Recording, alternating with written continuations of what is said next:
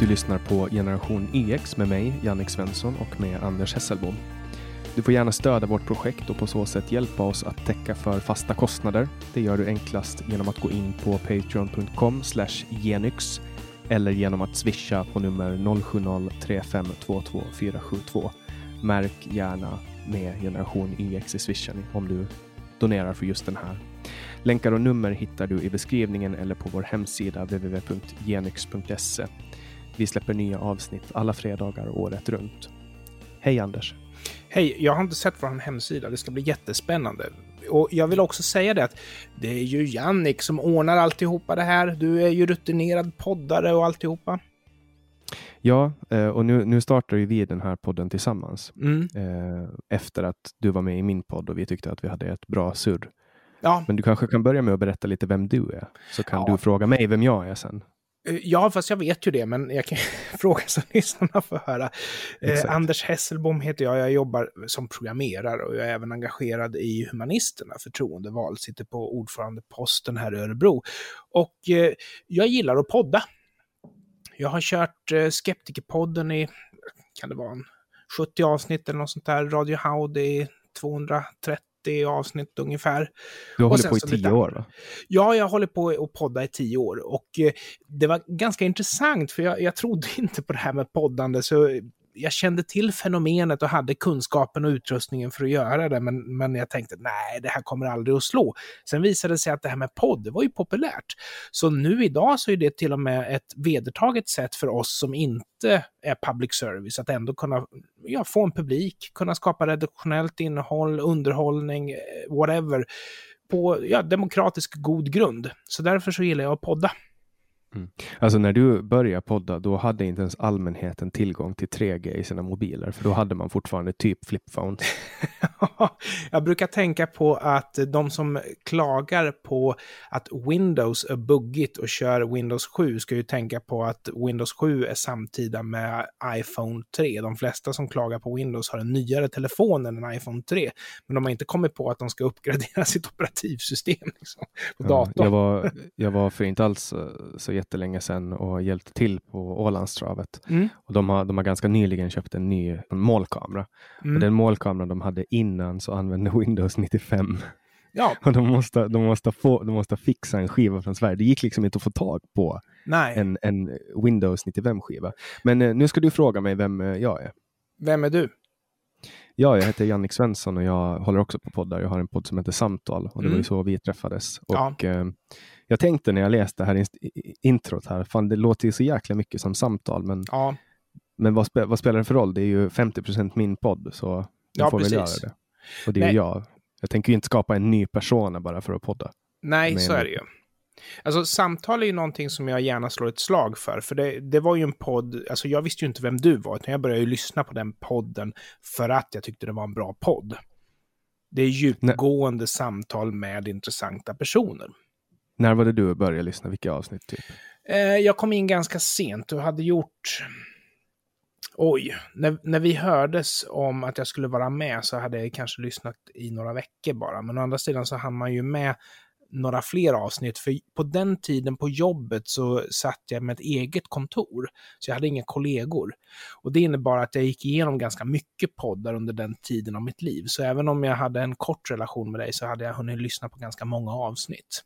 Det var roligt när jag ringde dig och du blev jätteförvånad. Ja, men jag blev jätteglad. Du, jag vill slå ett slag, för när den här podden sänds så sänds fortfarande samtal. Va? Så den får ni gärna lyssna på, samtal.ax. Ja, och då kanske jag ska få presentera din podd då, Stulet Gods. Ja, Det är en, en podd där Anders och hans kompis sitter och dricker öl och lyssnar på skivor vars musik är stulen från andra. Ja. En jättetrevlig podd. ingen hemsida, utan sök på iTunes eller på Spotify efter Stulet Gods. Jag törs lova att det är Sveriges bästa musikpodcast. Och tack Henrik för att du vill vara med och tjata med mig. Och då kanske vi ska gå igenom lite snabbt då varför vi valde just namnet Generation YX. Du säger. Generation Y och X och jag säger Generation YX. Men, men eh, vill Mm. du förklara grunden till, till varför, varför vi kom fram till det här? Jag ville ju gärna att den här podcasten skulle heta Generation X och Y, men det blev Generation YX i slutet eh, för att Jannik. Det låter, det låter ju mer flytande att säga YX än att säga XY. Körs! Plus, plus att det blir ju snyggt nu när vi har hemsidan genyx.se. Annars skulle det bli Jenksy och det skulle inte funka. Så Nej, jag vinner. det skulle inte funka. Okej, du vann. Absolut. Men det är ju så här, jag är åtminstone, kanske gäller för dig också, men jag är åtminstone fullproppad med fördomar om generationsklyftorna. Och eh, det som gör det intressant är ju att nu har ju vi en chans att prata om samhällsaktuella ämnen som då, ja, bildar och utbildar våra lyssnare och förhoppningsvis också roar dem. Men vi gör det med den lilla knorren att vi har ju två stycken helt olika perspektiv. Vi har ju vuxit upp i, i två helt skilda världar. Jag var ung ja, i början på 80-talet, var jag barn och gick i grundskolan under 80-talet. Och, Och du- växte upp i Sverige. och växte upp i Sverige. Men jag tror det är väl, alltså Åland är väl Sverige. Det är bara en formalitet att det är finskt. Kommer, kommer, kommer du dit, kommer, eller kommer du hit, Ja. för jag sitter på Åland nu, kommer du hit och säger att Åland är Sverige, då får du stryk. Tror jag. Jag sa till, och det här var ju medvetet, jag jobbade med en eh, kollega från Island och jag var ju väldigt noga med att påpeka att eh, ja, men en känd svensk artist, det är ju Björk. Och han blev så arg. Men jag sa ju det för att jag visste att Island är ett litet land. Det är väl rimligt att de inte har världens liksom, främsta musikartister i, i sitt stall. Ja, men shit, alltså, Island är ju också, alla pratar ju om Björk. Jag var på Island för några år sedan. Ja. Eh, och då, då var det så här, de som jag var med var så här, ah, men ska vi gå ner på stan och se om vi ser Björk nu? För att Reykjavik är ju så litet och gemytligt liksom. Ja, det är ju betydligt färre personer i hela det landet än vad det bor i Stockholm. Liksom. Men jag menar, Björk är väl, hon är ju en obskyr artist. Ja, hon är ju lite som um, Klerup. Va? Väldigt, väldigt, väldigt duktig, men Mm. inte superkänd. Vem är Klerup? Klerup. Mm. Andreas Klerup. Vem är det? Okej, men då får du söka upp Kleru och, och lyssna. En, ett musikaliskt geni eh, som, eh, som gör väldigt, väldigt, väldigt bra musik. Men som, Fast- Alltså det här säger du ju bara för att du är ungdom. Jo, det roliga var ju som sagt de olika perspektiven. Och jag vill lämna en liten klausul där, att jag tror att hade vi, alltså hade du varit mera en generation Y som inte är en sån jäkla sen generation Y, för du är ju nästan generation Z, men rent formellt är du generation Y eftersom du är född början på 90-talet liksom. ja, är 94, i tj- 25 januari 94 är jag född. Ja, och, precis. och bry- brytningen går väl typ där nio månader senare eller någonting. Ja, eller någonting sånt där. Så, men jag tror hade vi varit närmre varandra så tror jag att det hade varit större skillnad i våra åsikter. För jag tror Men att då det ska här du med... komma ihåg att jag är jävligt lillgammal också. Jag satt ju Ja. vid vuxenbordet hela livet när jag växte upp. Lyssnade på Beatles och Pink Floyd. Alltså, gjorde du det som ung, eller? Ja, ja. Jag satt hemma och lyssnade på Sgt. Pepper's Lonely Hearts Club Band när jag var typ åtta. Morsan älskade Beatles och farsan älskade Pink Floyd. Så jag var väl kan, kanske sen in på just den musiken på grund av att jag tyckte att det var mamma och pappmusik. Men jag var ju musiker också eh, under tonåren, så jag fick ju lära mig från mina äldre kompisar som jag lirade med att är man riktigt cool, då ska man lyssna på Yes och Kansas och Genesis och den typen av musik. Men idag så har det ju lagt sig så att säga att, eh, jag menar, ett av mina absoluta favoritband är Pink Floyd. Men jag har ju fler, men Pink Floyd är ju ett av dem som jag tycker håller en väldigt hög kvalitet. Men, men vi ska inte gå in på Pink Floyd, därför att vi sabbade ju nästan samtalet som vi hade tillsammans på grund av att du är en fanboy när vi pratar om Pink Floyd. Så det kommer inte bli något Pink Floyd i den här podcasten. Nej, Jag vet vad vi kan eh, prata om. Mm. Jag, jag eh, ska flytta till Stockholm och börja studera nu. Jag har Mm. varit på Åland över sommaren och eh, så höll jag på att titta runt, eh, du vet som man gör, att man har alla grejer och så, så såg jag att mitt pass håller på att gå ut. Mm. Och det som, det som jag blir så jävla arg på, jag twittrar om det här, det är att ett pass, alltså först, först så tar staten hälften av alla pengar som jag genererar. Mm. De tar det med tvång och hot om våld. Och så, in, in, så bygger de en polismyndighet och gränsbevakningsmyndigheter. Och sen tvingar de mig att köpa ett pass av Mm. dem.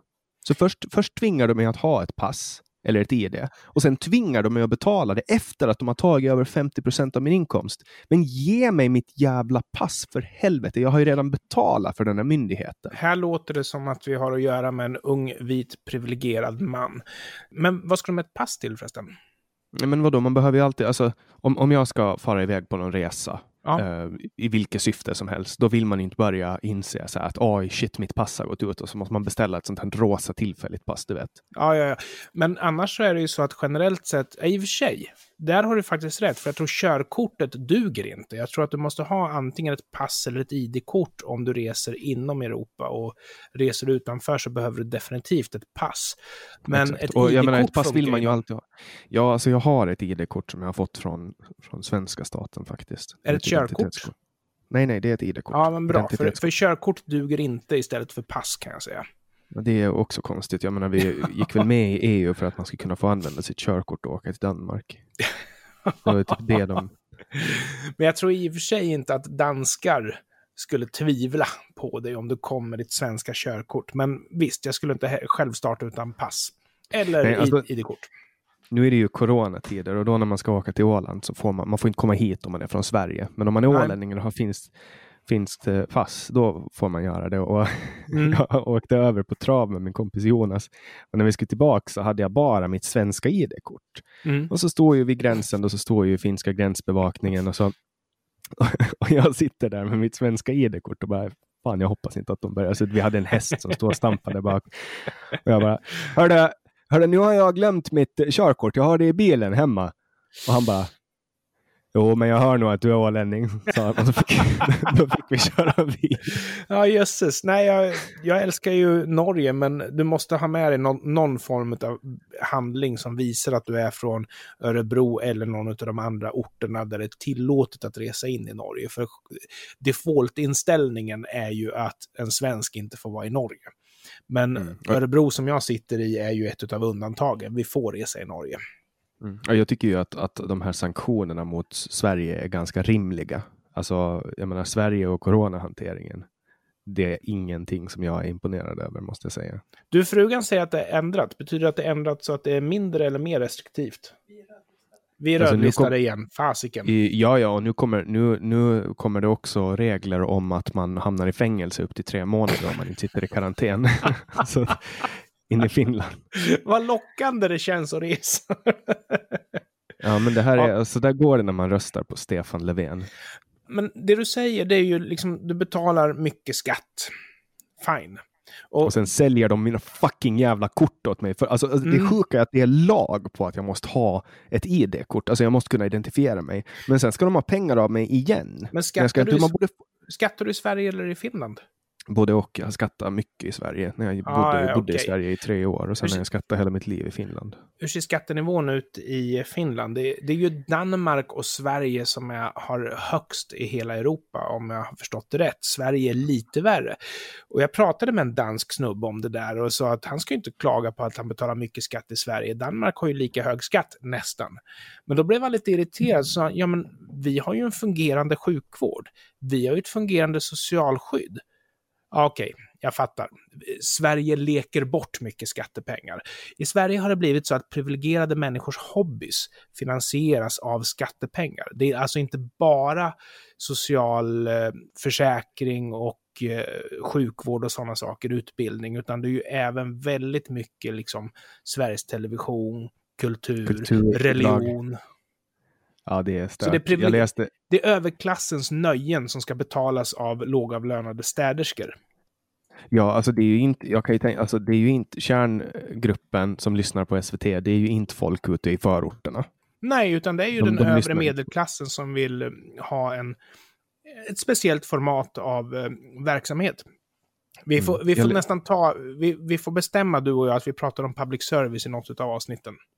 Absolut. Jag, ju, jag tycker ju att public service är skitdåligt. Så att, men vi har, jag läste en ganska bra eh, tweet häromdagen. Det var en, eh, en kille som heter uh, at Swedish Spaceman på Twitter som skrev just så här.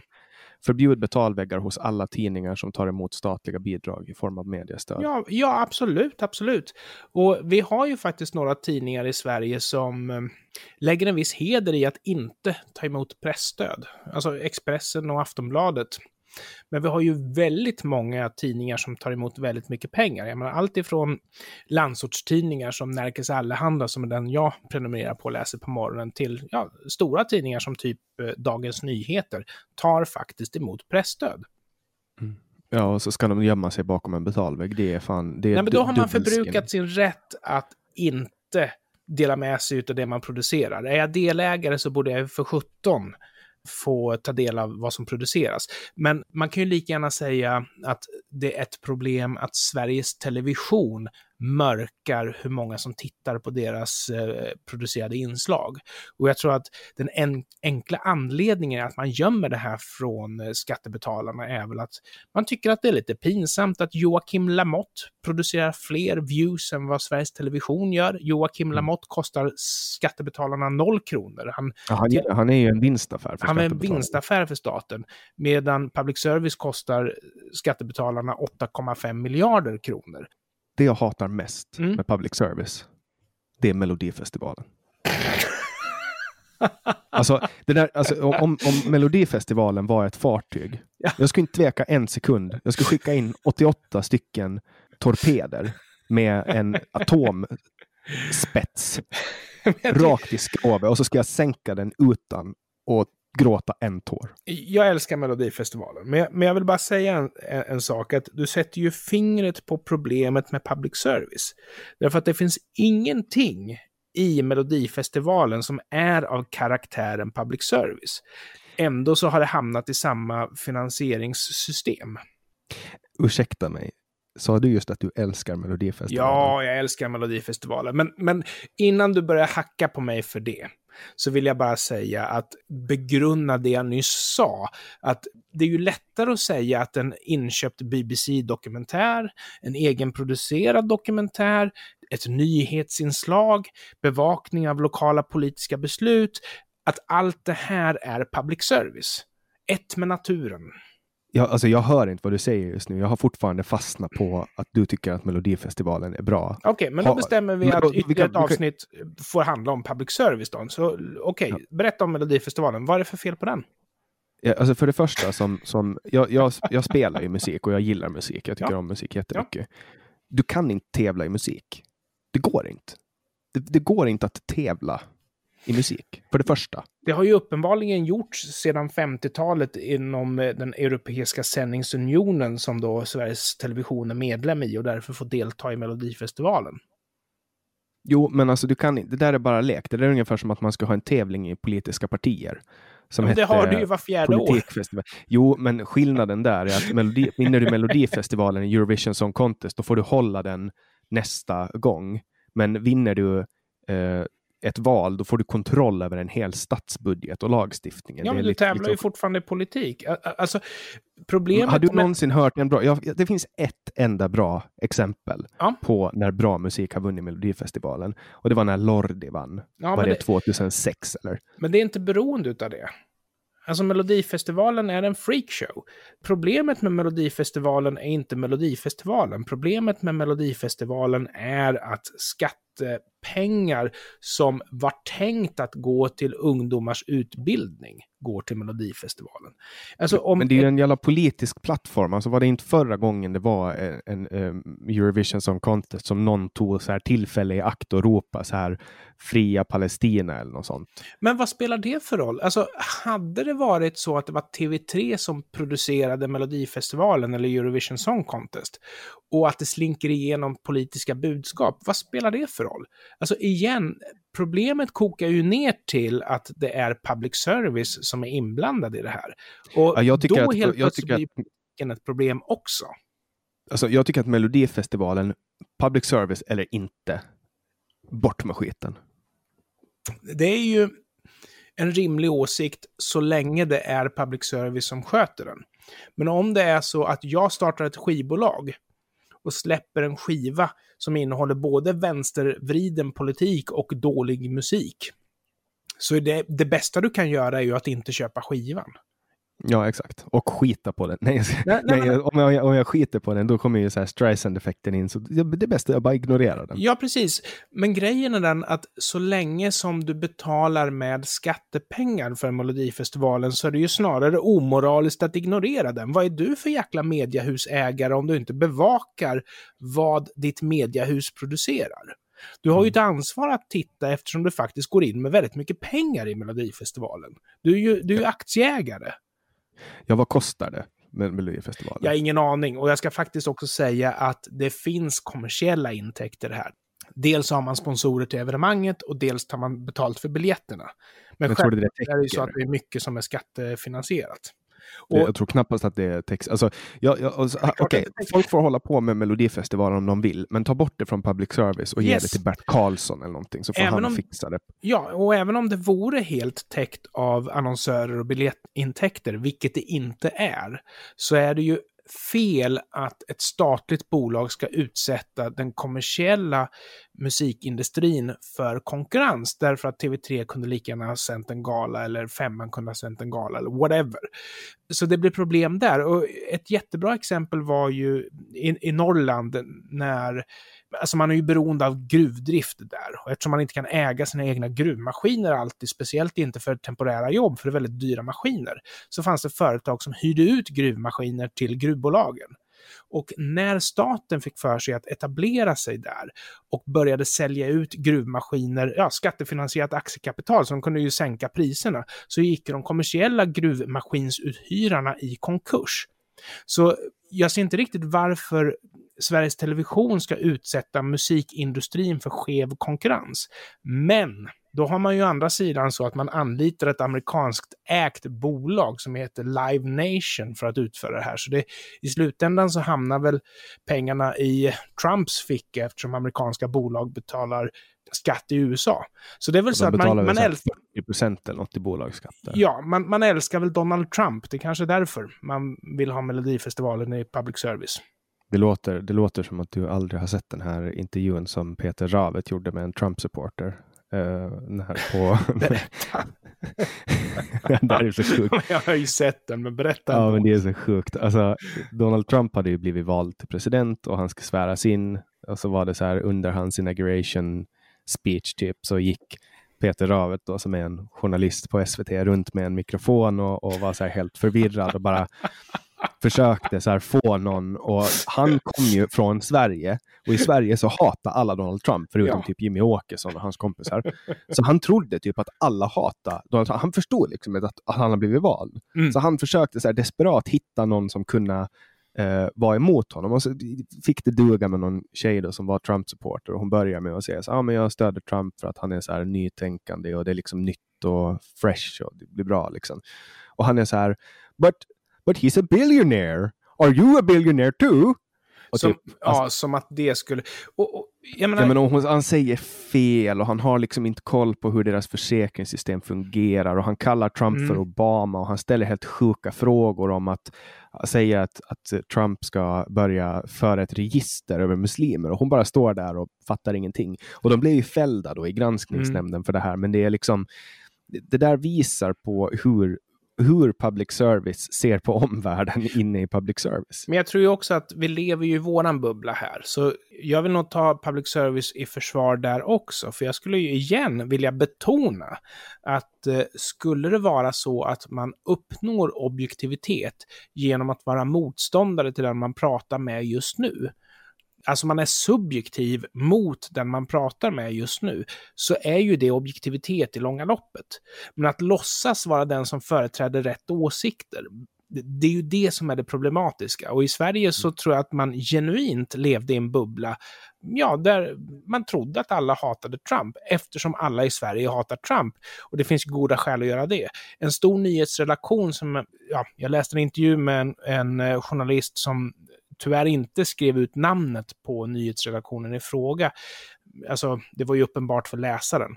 Men det var så här, åh nej, var det dagen efter Trump hade vunnit. Det får inte vara sant. Vad är det som har hänt? Så i Sverige så är vi ju väldigt främmande inför det här. Men Trump var ju inte ens Republikanernas favoritkandidat, utan det var ju ja, demokraterna som lobbade för Trump eftersom Clinton var ganska impopulär.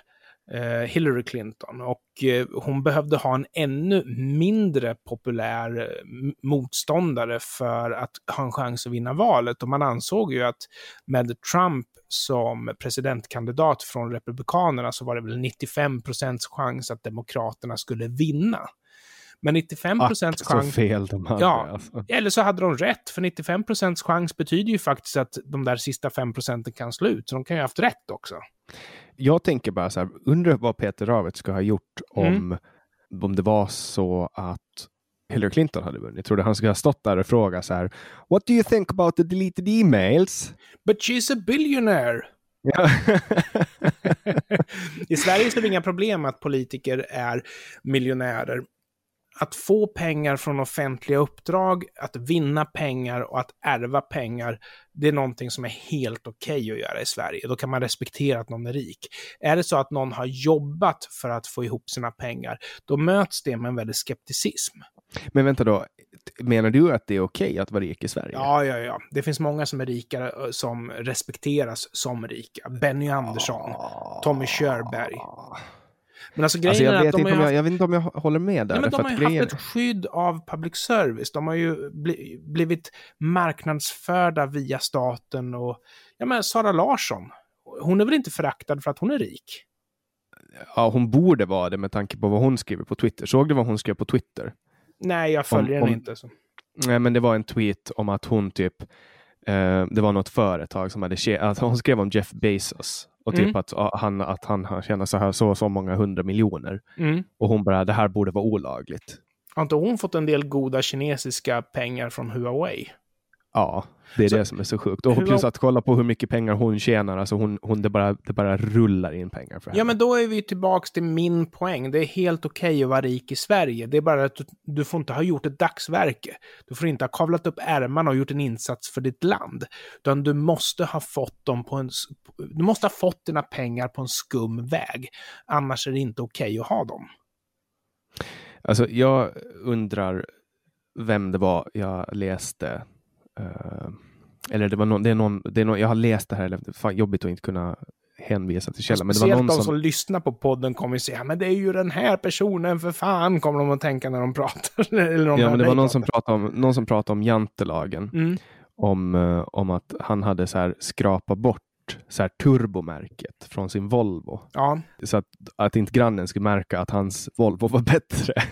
Ja. så han hade tagit bort T efter. Och det är liksom så här jantelag. Jag upplever Sverige lite så faktiskt. Mm.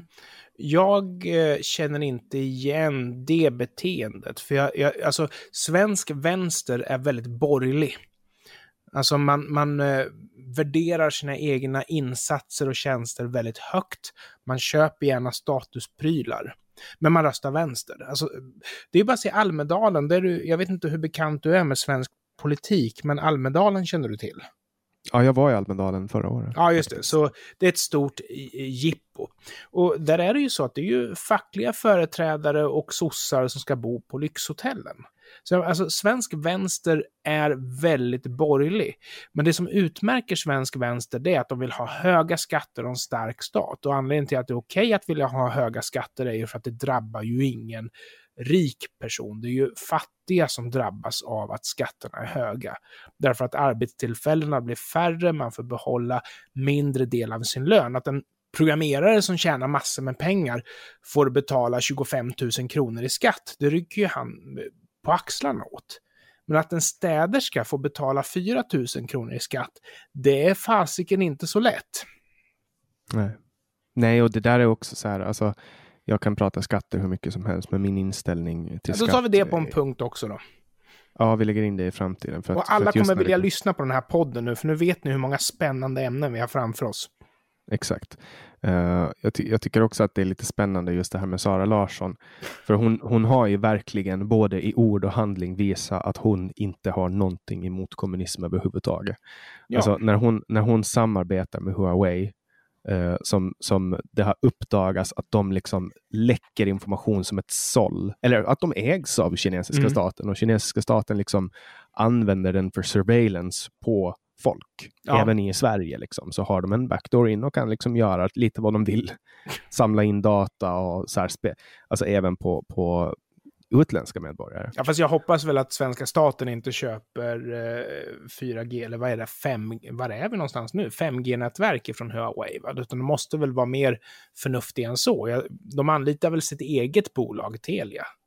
Mm, men som jag har förstått så har, har de tillgång till den information som är på Huawei-enheter. Alltså ja, jo, så är det. Så är det. Men, men jag tänker på de som inte har Huawei-enheter ska ju inte behöva drabbas. Så att jag Jaha, hoppas nej, att jag- svenska jag har staten ju- inte köper 5G-nätverk ifrån Huawei. Nej, det får vi hoppas. Jag hoppas att svenska staten inte gör så jättemycket affärer alls med kinesiska staten med tanke på vad de sysslar med. Det vore trevligt, ja. De har ju slagit ihjäl det i Hongkong som jag har lärt känna. Ja, Jag- ja, ja, ja, jag, äl- visst. jag älskar ju Hongkong. Liksom. Det är ju typ en av mina absoluta favoritstäder. Men nu kommer jag aldrig sannolikt att kunna åka dit igen och känna samma saker som jag har känt. Nej, bara den detaljen att de är en kommunistisk diktatur är väl problematisk, antar jag. Minst sagt. För de allra flesta. Ja, jag, ty- jag har jättesvårt för kommunistiska diktaturer. Jag har också lite svårt för kommunistiska diktaturer. Jag vill bara ha det sagt för protokollet så att... Mm. Och, men jag har inga problem att ge bort all min information till Apple. Där har vi ju en annan grej, hörde du. Nej, Alltså, men för jag tänker så jag har, ju, jag har ju hela mitt liv på en iPhone. Jag har haft iPhone sedan första iPhone, alltså 2007, tror det eller ej. ja, 2007 och- var ju iPhone 3, va? Nej, nej, iPhone 1 kom 2007. Fast den kom väl inte i 3. Sverige? Det var väl trean som var först? Ja, men jag hade en från USA, min vän. Holy Ja, det shit. var, den var alltså, vad heter det, jailbreaker. På den tiden man måste jailbreaka. Det här var alltså pre-App Store shit. Eh, så att Mm. jag, jag var bara barnet. Så jag har ju liksom haft den, ja men största delen av mitt liv har Mm. jag haft en iPhone. Jag, jag, eftersom jag, det här är förmodligen det sista positiva jag någonsin kommer säga om Apple. Men jag tycker att deras tidiga iPhones var groundbreaking. De var liksom flera steg över sina konkurrenter. Det var ju framförallt Microsoft som var stora inom smartphones och Nokia som var stora inom mobiltelefonier. Men Apple, de liksom, de slog båda med råge. Mm. Ja, det var lite tråkigt att, eh, att Nokia inte riktigt hängde på.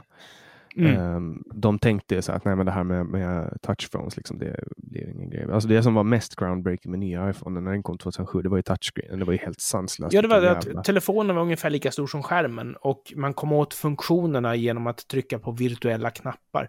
Men, men jag tror inte det var den enda framgången, utan jag tror att en av de absolut viktigaste grejerna var, om man tittar på den processorkapacitet man hade i telefonen, så är Microsoft, som tillhör den gamla skolan, de tänker, ja men nu måste vi använda den här för att göra svåra beräkningar. Så de, de la liksom kapaciteten med vikt på, på huvudprocessorn, på kalkylerna. Medan eh, Apple, de tänkte att ja, men användarupplevelsen, så de la huvuddelen av processorkapaciteten på grafikfunktionaliteten. Mjuk scrolling istället för hackig scrolling.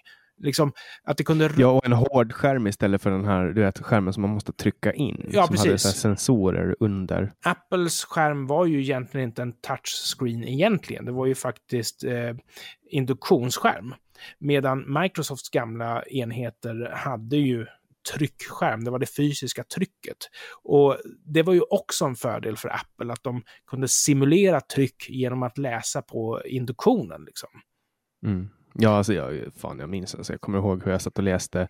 Alltså det var så coolt att kunna ligga och läsa Aftonbladet i sängen. Mm. Det var typ det enda man kunde göra var att gå in på. Så Aftonbladet var en av få hemsidor som var mobilen passade på den Och tiden. fysiken i eh, telefonen var ju ganska bra, så att du kunde liksom ge fart på scrollningen, du kunde bromsa scrollningen på ett sätt som ingen annan kunde mäta sig med. Så Okej, då har vi tre saker. Alltså, de lyfte ju tekniken alltså 20 år fram i tiden över en natt. Du har fysikmotorn, du har det här att du hade ganska mycket processorkraft fördelat på just att rendera grafiken. Nej, men det är jättebra grejer. Mm. Idag så Oj. är Apple ett företag av andra. Och, men de har ju på något sätt redan vunnit. För även om de, citat, bara har 40% av världsmarknaden, så är ju det ändå så att de har ju den mest köpstarka kundkretsen och eh, de har, alltså att amerikanare använder Apple är ju, är ju ganska värdefullt, för det är en köpstark eh, kundkrets liksom. Nej, men åker du ner till, till eh, länder med svagare ekonomi så hittar du ofta Nokia. Och inte de deras smartphone, utan deras gamla telefon. Exakt. Men mm. där, där, där snackar vi också alltså länder som har hoppat över eh, hela den trådbundna tekniken, teknologin ja. och bara direkt hoppa till GSM. Typ. Så att ur deras perspektiv så är det ett, ett extremt hopp. Helt mm. De bodde först i byar och, och, och kunde inte prata med varandra och helt plötsligt så har de Nokia-telefoner. Så att Ja, det enda de det. kräver av sina telefoner det är ju just det att de ska kunna skicka kontanter. För, för det är den feature de behöver ha. För ofta är det ju så att man har någon släkting som man har ansvar för som man inte kan åka till. Så fattiga länder alltså, vad som funkar där, det är ju det som gör att du kan göra finansiella transaktioner. Och innan... Ja, sen också kunna hoppa över direkt till internet. Alltså, ja. tänk där. Ja, ja, visst. Men innan du har möjlighet att köra appar i telefonen så eh, fanns det en telefontjänst som gjorde att du kunde föra över pengar. Då var ju det viktiga att telefonen som du använde för att göra det var billig. Då, mm. då var liksom inte att, att kunna Facebooka var inte prio ett. Hur, hur mycket känner du rädsla för att bli påspanad genom Google Apple? Eh, jag är frustrerad över att ingen annan känner rädsla för det här. Jag personligen är inte jättebesvärad av det, därför att jag vet om att jag är avlyssnad. Och jag kan ju välja att agera på, på internet på ett sådant sätt att jag kan stå ut med att bli avlyssnad. Använder du VPN? Nej, det gör jag inte. Använder du Adblocker? Ja. Det är så jävla skönt med adblocker. Alltså. alltså det är ju en bra service. Och jag måste väl kanske också erkänna att vissa, framförallt amerikanska sidor, jag kör ju Microsoft Edge tillsammans med Adblock. Och vissa amerikanska sidor säger att ja, men du får läsa det här om du stänger av Adblock. Så, och jag lägger inte in dem i undantag, utan ofta så är det ju så att jag provar att refresha och bara stoppa JavaScriptet. För i nio fall av tio så är det så att jag behöver inte alls stoppa adblock. Jag behöver bara stoppa det JavaScript som kollar om jag har adblock. Exakt. Ja. Det funkar för det mesta. Men eh, det som, det som irriterar mig är... Alltså, jag tror att det är här du står. Att, att du inte riktigt förstår problematiken. Du, du har eh, Apple, säger du. Ja. Kan du väcka den genom att säga Hej Siri? Ja. Hur funkar det om den inte lyssnar på om du säger hej Siri eller ej? Ja, nej, men den lyssnar ju på mig såklart. Det måste den göra. Ah. Och jag vill också säga, jag förstår att de på Apple sitter ju inte och ser att ja, men det här är Jannik Svensson som har sagt bla bla bla. Men däremot så är det så att du är profilerad. Du, är, du må vara ett nummer ifall att databasen läcker, men du är profilerad. Så hotet är inte avlyssningen som sådan, Hotet är ju om någon får för sig att göra någonting, samköra någonting, para ihop olika register. Det är ju det som är hotet. Mm. Ja, men alltså nu bor vi ju i ett, en värld där svenska polisen och andra myndigheter inte ens samkör sina DNA-register.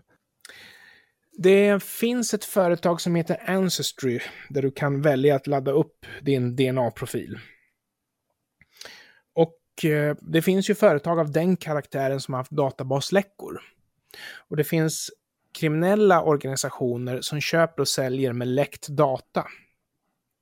Jag tror att man ska vara väldigt, väldigt försiktig med att... Eh, och, alltså det mesta kan du ju avtala bort. Om du godkänner bla bla bla och sen så har du inte ens läst så har du avtalat bort saker. Men någonting som du inte kan avtala bort eh, enligt lag, mm. det är ju att dina personuppgifter ska hanteras slarvigt på osäkra kanaler. Det går inte att avtala bort, även om du har liksom godkänt. Men problemet är ju att om man behandlar uppgifterna korrekt, så kan de ju fortfarande på grund av den mänskliga faktorn eller på grund av social engineering eller något sånt där, ändå bli stulna. Och jag skulle inte vilja att min profil blir stulen. Jag, jag kontaktade Klarna. Eh, Klarna är ett företag som beviljar kredit vid köp så att du kan göra ett köp och Eh, varan blir betald på en gång av Klarna. Och sen när jag har sett att allting är okej, okay, eller om det nu skulle vara någonting som inte är okej, okay, då är det en konflikt mellan Klarna och, och leverantören. Jag behöver inte betala något, så jag, jag använder Klarna. Men så var det någon som hade gjort ett eh, sånt där GDPR-utdrag med, med stöd av dataskyddsförordningen så ville han veta av Klarna, vad vet ni om mig? Och han blev frustrerad över att han fick 380 A4-sidor skickade till sig. Så jag direkt kontaktade Klarna, skicka min profil. Men när jag väl hade fått den, det tog inte lång tid, de är väldigt duktiga på GDPR, så kände jag nej, jag vill inte radera min profil hos Klarna. Jag har ingenting att förlora på att de vet vad jag har köpt.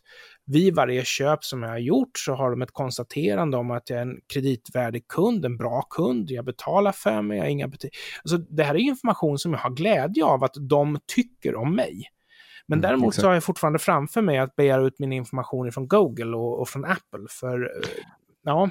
Alltså jag begärde ju ut min information från Facebook. Så här. Jag tänkte att jag mm. gör det på skoj. Uh, och, och sen bara den bara ja, genererar fel. Jag bara, men fan, det här orkar jag inte, jag ska klicka bort det. Sen fick jag ett mejl så här, ja, din eh, fil är nu klar. Mm. Så här, du kan ladda hem den med den här länken. Kan du gissa hur stor filen var? Hur stor var filen? 7 gigabyte. men, men, men alltså, allt handlar ju om karaktären av information och inte om hur stor den är. Att den här snubben som gnällde i Aftonbladet hade 380 sidor eller vad det nu var för någonting. Alltså det beror ju på vad det är för information. Jo, men det där är så stört. Jag laddade hem från Snapchat också. Och jag, trodde, jag har alltid trott att Snapchat har varit safe. Men jag fick så här tidsstämplar med när jag har skickat saker till vem och vem som har skickat till mig och så här tids och mm. sekundangivelser. Alltså, det var så här, aha, nej, men det här känns ju inte bra. Bara för att bilden försvinner efter man har skickat den så, ja, Ja, den försvinner ju för användaren. Men Snapchat, ja. alltså att Snapchat sparar information är inte jättekonstigt. Därför att de vill ju kunna veta vad de ska promota till dig. Absolut, och jag menar, jag, jag, jag är inte rädd för, för just det här med alltså retargeting-grupper. Jag har jobbat med digitala annonser. Mm. Uh, så för mig är det absolut ingenting konstigt att man samlar information. För jag vet ju att, att de som jobbar på företaget, precis på samma sätt som att jag när jag har jobbat med mina kunder, jag vet aldrig vem det är som har tittat på vad eller Nej. gjort vad. Jag kan inte knyta deras IP-adress eller enhetsnummer uh, till dem, utan mm. allt det är bara liksom databaser som, som känner till. Alltså, jag har ingen aning. Nej. Så att jag, känner, jag känner ingen rädsla på det sättet. Jag, jag ska väl också säga att det här med GDPR och det har ju inte alltid funnits. Så du kommer ihåg den tiden där man eh, gick till en videobutik och hyrde VHS-filmer. Då var det ju datasystem som eh, registrerade vem som hade hyrt vad. Och det är klart, det där går ju att nöjesslå i om man är nyfiken, om man vill snoka. Men redan på den tiden så var det ju faktiskt så att eh, Datainspektionen kontrollerade att om en kund inte hade varit aktiv på en viss tid så skulle all kundens data gallras och alltihopa det där i min karriär de senaste 20 åren så har inte jag befunnit mig i en situation där jag inte har handskats med känslig data. Så jag är ju väldigt, väldigt inskolad i att inte nöjes slå i datasystem. Och jag mm. lever ju i en värld idag där allting monitoreras. Varenda slagning jag gör i varenda system hamnar i en logg. Så mm. skulle jag nöjes slå någonting, då skulle jag ju åka ut med huvudet före kan jag säga. Ja, det var en, det var en, eh, en person som jobbar på psykiatriska avdelningen här på Åland som har suttit och nöjesslag i folks journaler. Ja, vi har till och med exempel på poliser som har gjort det i Örebro, men de åkte ju ut. Så. Jag tycker rätt illa om public service, som en del vet Det hade jag ingen aning om. Nej, det är ju en av, av mina grejer som, som folk vet mest uh, vem jag är för. Men jag uh, satt på Facebook i somras och höll på. Du vet ju hur man håller på på Facebook och så mm. kom det upp en så här annons. Så här, gå in och så här, signa upp på vårt nyhetsbrev, så avsändare Ålands Radio, vilket är vår motsvarighet till Sveriges Radio. Mm. Och så blev jag så här, men fan, vadå, vadå ska man, så här, varför håller de på och annonserar? Så gick jag in så här, och kollade och så kom jag till en Mailchimp-länk och jag bara, men vänta mm -hmm. nu här. Mailchimp, använder Ålands Radio Mailchimp? Varför, varför då? Så här, varför har de ett nyhetsbrev? Ska inte de hålla på med radio? Så här, varför håller de på med Facebook-annonser? Ska inte de hålla på med radio? Så jag blev jättekonfunderad och så gick jag in och kollade på det där och hittade ingen så här Um, det fanns liksom ingen privacy policy, ingenting, utan allt var bara så här, ah, här får, skriv in din e-postadress här. Lite grann som en privatperson hade gjort samma sak. Exakt, och då är det så här, alla som har använt Mailchimp och använt det vet hur extremt mycket man kan spåra folk. Därför att i varje Mailchimp-mail så skickar man med en spårningspixel som tar reda på ens IP-adress, var man befinner sig, hur många gånger man öppnar mejlet, när man öppnar mejlet. Uh, alltså den tar, den tar reda på all den informationen. Ja, det, är, den informationen, det är ingen slump det, att folk är beredda att betala för Mailchimp. Exakt. De får bra och då, statistik. Då är det så här, men då är det så här, Ålands Radio, har ni läst vad det står? När man, alltså, då, då, då ger man ju, det de gör, det är att de ger information om sina lyssnare till ett amerikanskt bolag. Därför Mm. att bolaget får göra vad de vill med det och så här, de får dela med den till tredjeparts. De får sälja informationen till tredjeparter utan att säga någonting. Så här, så här, de behöver inte meddela Ålands Radio och då, så här, då lurar de in folk att signa upp sig via Mailchimp och ta sig och anmälde dem till både programnämnden, det, det, den Ja. lades ner, då, men också till IT-inspektionen. Men du-. Men du är ju en förbannad hycklare. Vadå då? Ja, nyss var det helt okej att Apple och Google spionerade på dig. Jo, men vadå, inte ska, inte ska, alltså inte ska Ålands Radio använda sig av sådana tjänster. Någon måtta får det väl vara. Eh, Vadå, så, så det är bra när, när kommersiella intressen gör det, men dåligt när det är... s- Men det då har jag allmänna. valt. Så här, då har jag valt, när jag skapar ett konto på Google och Apple, då väljer jag vad jag ska göra. Alltså jag menar, kom igen, du jobbar med Ja. IT. Hur svårt är det att lägga upp så här in-house? Eh, vill du ha ett mejlutskick, så här, skriv upp det här. Det, det är inte så jävla många som prenumererar på deras nyhetsbrev, kan jag lova. En tio, ett tiotal kanske. Nej, alltså, behöver, man, behöver man ge bort deras information till amerikanska bolag? Staten har en skyldighet att garantera oss våra mänskliga rättigheter och, de har, och det innefattar ju då yttrandefriheten. Om det är så att ett kommersiellt bolag, säg Twitter, säg Facebook, eh, whatever, råkar vara den infrastrukturen som är så pass dominant att den nästan är det allmänna. Då har staten rätt att ställa krav på att till exempel inte Twitter stänger av några användare eller censurerar några användare. Konkurrensen blir ju skev. Om det är så att vi har en fungerande flora av företag som agerar inom publicist liksom världen. Ta Sverige på 80-talet när dagstidningarna florerade. Om du inte fick en insändare publicerad i den ena tidningen så står det där i den fulla frihet att skicka samma insändare till en annan tidning. Men om det är så att vi bara har en tidning och den tidningen säger ja men dig vill inte jag ha någonting att göra med, men du får gärna prata och sådär. Och att att den tidningen, är så, nu.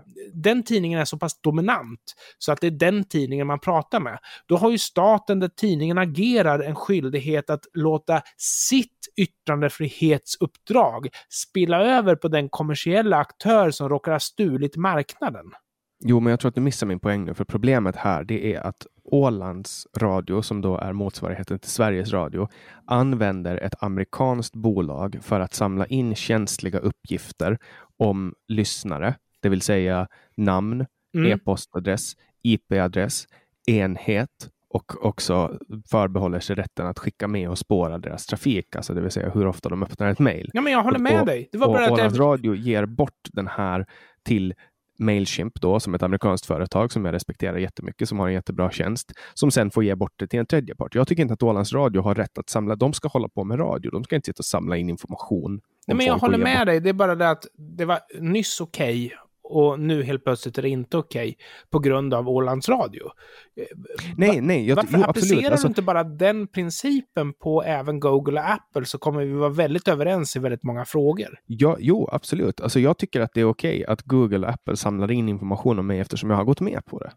Ja, alltså jag läste faktiskt igenom ett eh, iTunes-avtal en gång och det var ganska roligt när man kommer till den här delen. Alltså jag förbehåller mig, eh, nej, jag, jag svär på heder och samvete att inte använda den här enheten eller kontot kopplat till enheten till att utveckla kärnvapen eller Ja. kemisk krigsföring. Och, och det var så här, ja, det var ju tråkigt. Får jag lämna tillbaka den. Det där är ju intressant, eh, för ska du driva kärnkraftverk så måste du ha Windows som operativsystem.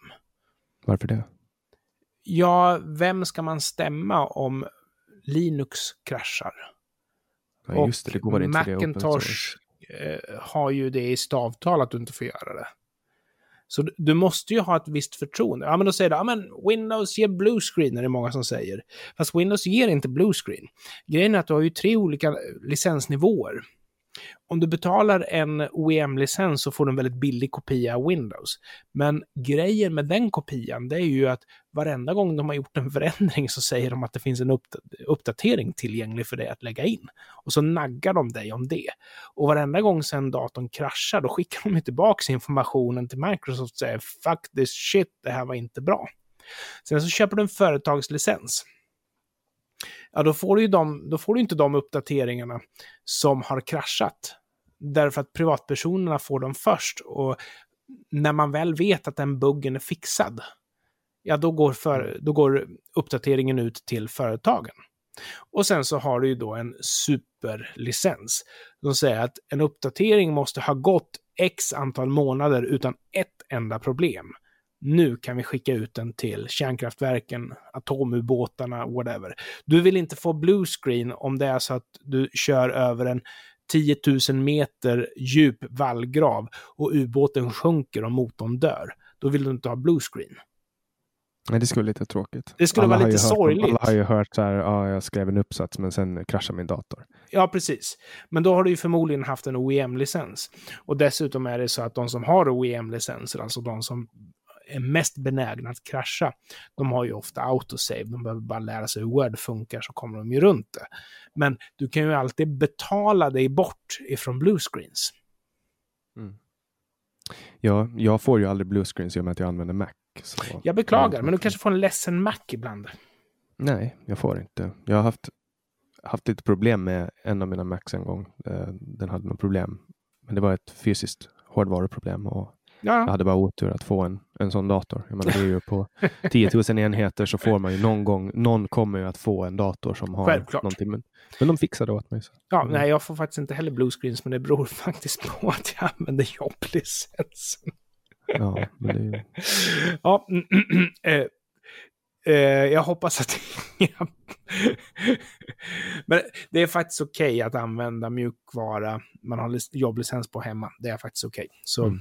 Det... Jag, jag, använder ju, när jag hostar hemsidor så använder jag Linux. Mm. För att det är, det, det, är bra grejer tycker jag. Jag gör det också. Jag skulle gärna vilja ha Windows eftersom jag, jag, kan inte programmera Linux-servrar. Jag är väldigt dålig på det, men jag älskar att programmera Windows-servrar. Jo, men du behöver inte programmera Linux. Du behöver bara skicka lite commands till den så är det klart. Jo, men vill du bygga en app på den? Då måste du ju använda ja. något färdigbyggt skit, typ Wordpress eller något sånt där. Ja, men, Bitnami. Alltså, det finns ju, allting finns ju färdigt redan. Ja, precis. Allting finns färdigt. Och anledningen till att jag använder Linux-servrar är ju det att liksom, jag slipper betala licensen till Microsoft för det. Men problemet är ju att det jag på min höjd kan göra, det är ju att anpassa befintliga system. Jag är liksom inte kompetent nog att programmera en Linux-server. Men däremot så behövs det ju inte som du säger, för det finns ju allt. Allt finns gratis. Och det är väldigt lätt, även om jag inte kan liksom kan Linux så är det väldigt lätt att göra sina små förändringar i källkoden som man behöver ha för att få det mm. beteende man vill ha. Min pappa var, alltså så här, min farfar kompis med, eller han, han, min farfar har Alzheimers nu så han är tekniskt sett har han inte, han är kompis med någon men, men han var i alla fall kompis. Man får skratta, det är liksom det. Liksom, ja, ja, ja, ja, ja. Jag bara, jag bara säger det till de som, till de som reagerar så här och tänker, men fan, vad, man kan inte skratta åt det, men det, det är okej, man får skratta åt, åt Jag saker. befinner mig i samma situation, vill jag också säga. Men kör på. Har du också, har du också en närstående som har Alzheimers? Eh, min far har Parkinson.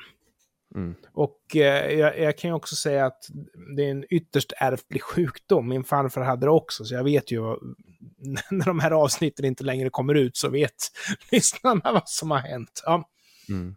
ja du sitter och rycker någonstans. Ja, men här, det är ju lite grann så. Ja, nu, nu börjar jag pusha på gränsen. Men i alla fall, min, min farfar var kompis med en, eh, han är en finsk eh, EU-ledamot, Euro, Europaparlamentariker. Innan du berättar om det, eh, hur står vi i eh, klassificeringen på Apple? Är vi not safe for work eller vad är vi för någonting? Nej, alltså jag tycker att, jag tycker att vi ska få svära så att vi kan, ah. sätta, vi, vi, kan sätta på en så här varning. Yes. Det kanske lockar in lite folk också. Mm. Förlåt, nu har jag avbrutit det många gånger. Ja, men det är ingen fara, det är ingen fara. Jag säger till om det blir en fara. jo, så... Då kommer jag argumentera emot. Ja, förlåt, nu avbröt jag dig igen. det finns en finsk EU-parlamentariker som heter Nils Torvalds. Och han är då far till, Lin till, Torvald, till Linus Torvalds då, som startar Linux. Mm. Och farfar är, var kompis med Nils. Eh, så när, när pappa växte upp och, och farfar umgicks med eh, Nils då, så, så, så, kom Linus Torvalds med. Mm. Och de är typ, de är typ jämngamla. Så pappa lekte med honom när han var liten. Eh, och, han, och han är ju datavärldens superstjärna. Mm. Eh, I och med att det var han som, som startade Linux. Då. Och det var så roligt när jag, um, för jag, jag bygger hemsidor mm. och uh, jag är, jag är ingen, liksom, ingen superproffs på, på Linux, men, men jag hostar med Linux. Men händer det någonting och jag får problem, så har jag en, en kille som heter Emran som, som bor i Bangladesh. Och han är, han är ingenjör och uh, han gillar för övrigt allting som jag gör till podcasten Samtal, fast han inte förstår vad, vad det handlar om. Men han är, han är jätteduktig, superduktig IT-ingenjör som, som är proffs på Linux. Mm. Och när jag satt och, och höll på med ett, eh, en kampanj, jag hjälpte då en, en kille som heter Anton Nilsson som, som eh, ställde upp i Europaparlamentet, eller till valet. Ja, jag känner till honom. Mm, så jag, jag, hjälpte honom med kampanjen och då, och då stötte jag på ett problem. Då. och då, och då, då, skrev jag till Emran så att ah, du, jag har lite problem här, kan du hjälpa mig med den här Linux-servern? Och, och, då, och då sa jag till honom, så, ah, en, en rolig grej förresten, i och med att han här är ingenjör, IT-ingenjör och är specialist på, på Linux. Så, ah, en lite rolig grej, att den här killen jobbar som specialassistent åt Linus Torvalds pappa. Och han blev så jävla starstruck. och, och, och, Anton då, han blev faktiskt ersättare till eh, Nils Torvalds i EU-parlamentet. Men jag, pr jag pratade med honom om, om just det här då Uh, han visste inte det här. När han började jobba åt, åt Nils Torvalds nere i EU-parlamentet så, så, visste han inte oh, att, att han hade en känd son. Och då kom det folk från IT-avdelningen hela tiden och ställde sig vid Nils skylt och tog bilder med den. ja, ja, men det skulle jag också ha gjort. Jag, jag, vill säga två grejer. Den ena är kort, så den kan vi säkert avhandla nu. Den andra kanske vi får återkomma till. Då. Men det ena det är att eh, Git är ju faktiskt minst lika betydelsefullt som Linux själv idag. Och det är ju en tjänst som låter flera programmerare jobba i samma källkodsbas med GitHub. full spårbar... Ja, GitHub är ju Microsofts Git-leverans. Så det är ju Git as a service som Microsoft levererar.